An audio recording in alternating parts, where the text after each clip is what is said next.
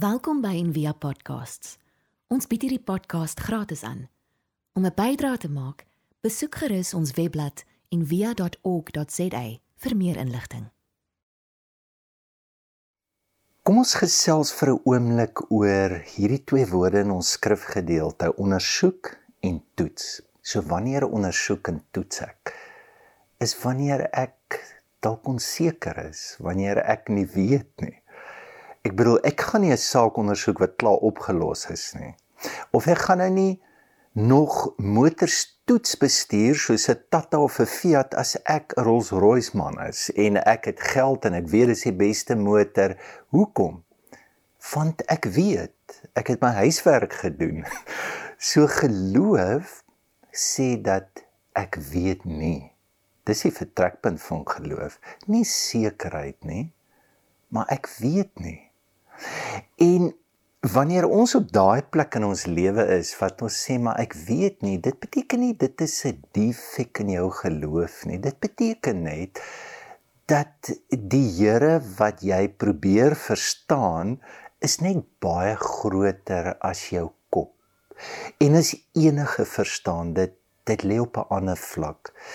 En dat ek die pad met die Here nie net navigeer met my kop nie, maar dat ek ook 'n hart nodig het. En in daai spasie het ek vertroue nodig en dan het ek geloof nodig. So die woordjie toets kan ons ook help om dit te verstaan. Die woord is gebruik vir metaal en dan om te kyk is hierdie metaal reël of nie. So hulle dit baie keer verhit as jy nou byvoorbeeld muntstukke gehad het en die een muntstuk is vervals, dan het jy dit warm gemaak en dan kon jy weet maar wat daar is. So dis seker waar die term the Yidis aan vandaan kom. En die Here het dit so gedink dat dit is hoe ons geloof gaan werk. Ons geloof is nie 'n betonblok waarmee ons 'n fort bou of wat ons altyd moet verdedig en bewys hoe sterk en hoe goed en hoe reg hierdie beton is nie. En nog minder om iemand mee te gooi Dis eerder in Jesus se woorde 'n mosterdsaad. So wat's 'n mosterdsaad? Dis broos. Dis klein. En baie keer is daar omstandighede wat die wese van dit bedreig. Noem dit nou maar die hitte, die omstandighede. En is gewoonlik in dit wat ek en jy 'n wonderlike gawe kan kry van 'n verdieping in 'n dieper omgang met die Here. So miskien moet ek net 'n onderskeid maak tussen 'n twyfel en dan skeptisisme. So twyfel kom uit my geloof en daar kom tye wat ek dit wat ek glo nie meer verstaan nie of wat ek diep vra. Skeptisisme weer is wanneer my vrae kom uit 'n plek wat ek nie glo nie en wat daar baie keer 'n vyhandigheid is teenoor dit wat ek glo. En ek dink hier's 'n belangrike ding en ek dink dit geld vir 'n ateïs en 'n Christen is dat ons soeke na die waarheid moet eerlik wees. En dit sou beteken dat ek moet bereid wees om dan ook in die hitte in die moeilike tye in die tye wel eerlik te soek en aan te hou soek en nie een of ander pleister gebruik of 'n spaarwiel gebruik wat ehm um, ek net vinnig aanplak en bymekaar plak om beter te kan voel of om my onsekerheid net oppervlakkig te besweer nie. Die vraag in die Bybel is nie so seer wat glo jy nie. Die vraag is hoe het jy gekom tot daardie geloof? En daarom geloof is 'n pad, dis 'n reis. Nou kom miskien drie dinge noem hoekom gebeur dit dat ons geloof getoets moet word. Ek dink die eerste rede is dat ons hou of laat ek sê ek hou van godsdiens light.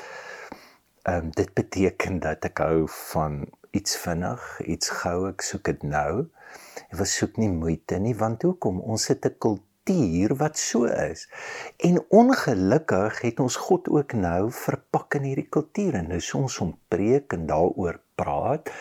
Ehm um, dat jy hoef nie veel te doen nie. Al die antwoorde is in die Bybel en jy lê net hande op en dan gebeur dit en jou pad is gewaarborg, jou sukses, jou toekoms is gewaarborg en Jesus is amper soos polis wat jy uitneem wat alles vinnig gou dek. So as Guinness, hy sê um, Many people doubt because they have left out something important in the way they have come to believe. Believe in God for the wrong reason or no reason at all. You cannot expect to be free from doubt. Nou dink net vir 'n oomblik, ek weet dat ons almal glo, maar ons het sulke edele motiewe wanneer ons na die Here toe kom. Dink aan die verlore seun, hoekom gaan hy terug na sy pa toe? Dis beslis nie omdat hy hierdie wonderlike ingrypende teologiese argument gehoor het wat sy hele lewe verander het nie. Dis omdat hy honger is. En jy kan eintlik sê dat hy gaan terug omdat hy selfsugtig is. Nou dink vir 'n oomblik daaraan dit maak net nie saak of ons die Here veral in hierdie moeilike tyd as 'n pleister gebruik en ons almal wil bekeer. Ons net nie nou hemel toe gaan nie. En die Here is 'n great spaarwiel en want my bestaan word nou bedreig dat op 'n manier is daar 'n groter liefde soos in die gelykenis van die verlore seun wat jy nog in verwelkom word en wat die Here se liefde en se hoop en se geloof in jou is dat jy ook sal kom tot presies dit wat jou dryf en wat jou motiveer in jou lewe. Maar die probleem is net as dit die redes is, dan is dit net te lig. Dit gaan nie hou nie. Um C.S. Lewis sê dit maar hy sê if you examined 100 people who had lost their faith in Christianity, I wonder how many of them would turn out to have been reasoned out of it by an honest argument? No. Do not most people simply drift away? So ons dryf weg, nê, nee, want ons anker het nie gravita nie. Hy het nie iets waarna hy vashou nie. Dink 'n tweede ding wat vir ons almal baie moeilik is, is emosies en baie keer is ons twyfel as gevolg van 'n emosionele reaksie en dat dit nie so seer gegrond is op die realiteite wat daar werklik is nie maar dat dit baie meer is hoe ek voel. En is miskien is baie gevaarlik spiritualiteite wat baie staat maak op emosies ek dink nou aan toe ek jonk was hoe belangrik dit was jy weet dis amper daai liedjie wat jy sing en jy jy voel so naby aan die Here en jy voel so bly maar die probleem is die liedjie word opgesing. So dan moet altyd 'n nuwe hit wees wat wat jou net weer bietjie motiveer. Maar wat van as al die dinge wat ons eintlik laat voel van ons weggeneem word wat bly dan oor? Dis presies wat gebeur. En as jy die Bybel volg is daar hierdie ongelooflike bemoediging van mense wat op 'n manier het hulle geen rede om bly te wees nie soos Habakuk vrye boom bot nie meer die beeste is uit die kraal uit. En dan ontdek hy in die woord wat hy gebruik ek sal nog tikkie draai in ere. Daar's 'n diep jy sien dit is wanneer geloof ook die inspirasie word van alles wat ek voel. Dan miskien net die laaste ding, ons is nou in 'n tyd van enorme lyding en is ongelooflik seer en dan baie keer het ons nie verwag dat ons geloof eintlik teen dit wat ek gehoop het of wat ek geglo het nou draai nie. Ek het nou gebid vir die persoon, maar hy's dood aan COVID of ek het so geglo my werk sal nie geraak word. Dit is geraak. Frank Viola, hy sê hierdie ding kan so identifiseer met dit. Hy sê I've met scores of Christians who were ready to give their teeth for Jesus in their 20s only to turn their backs on him in their 30s. Why? Because their commitment to Jesus was based on the supposition that he would perform in a certain way. En dis met my en ja met jou so dat daar's ook 'n verwagting wie die Here moet wees. Ons sê dit ook baie, maar as God dan 'n God van liefde is of wat ook daai is presies die aansluitingspunt van vrae waarmee ek en jy worstel wat ons nie van af weg moet loop nie. Nou ek wil drie dinge noem. Ek dink wanneer ons in onsekerheid ingaan en hierdie goed begin in ons kop en ons harte te werk, dan die plek waar ons soek is reeds in ons geloof. Um as said it so I say of course faith is much more than the absence of doubt but to understand doubt is to have a key to a quiet heart and a quiet mind anyone who believes anything will automatically know something about doubt but the person who knows why he believes is also in the position to discover why he doubts so wat is die motivering van my geloof? Ek kan glo dat my ma is iemand wat verskriklik omgee en ek kan ook glo dat my ma is iemand wat vir my alles gee wat ek wil hê. Dit is dis twee gelowe.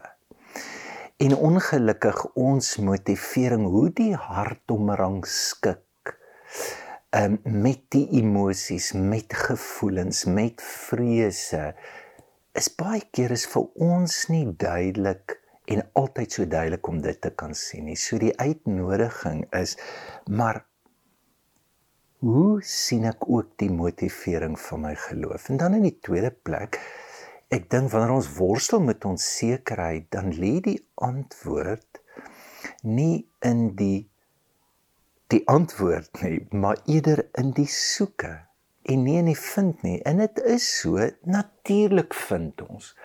Ons kry ook. Maar ons kry is altyd net 'n nuwe plek en 'n nuwe omgang van 'n soek na die Here. En met twyfel is dit so en twyfel gee vir ons reeds hierdie gawe van 'n dieper soeke, dalk 'n eerlike soeke. Ek het nou hierdie week gedink, ek is so dankbaar vir my familie en die gawe wat hulle ook vir my gegee het om om te twyfel. Ek het 'n oom in my ma se kant huis nou ongelukkig oorlede en hy was op 19 te word in die tronk gegooi. Hy het betoog teen pasdra. En ek onthou verskriklik was dit. Is die polisie huis toe kom. Jy word gekonfronteer, maar dan begin jy ook vrae te vra my oupa aan my pa se kant was nou weer sap. Ek onthou hulle praat en ook 'n oom wat vandag nog lewe wat ek wens ek kon nader gekom het aan dit wat ek aangetwyfel het en ek kom ek agter dat baie goed wat ek teen gerebelleer het of geprotesteer het kom dalk uit daai plek. Ja, en baie foute gemaak, dalk ook oor die regte goed geprotesteer vir die verkeerde redes, maar Wat 'n ongelooflike gawe is twyfel vir hierdie wêreld.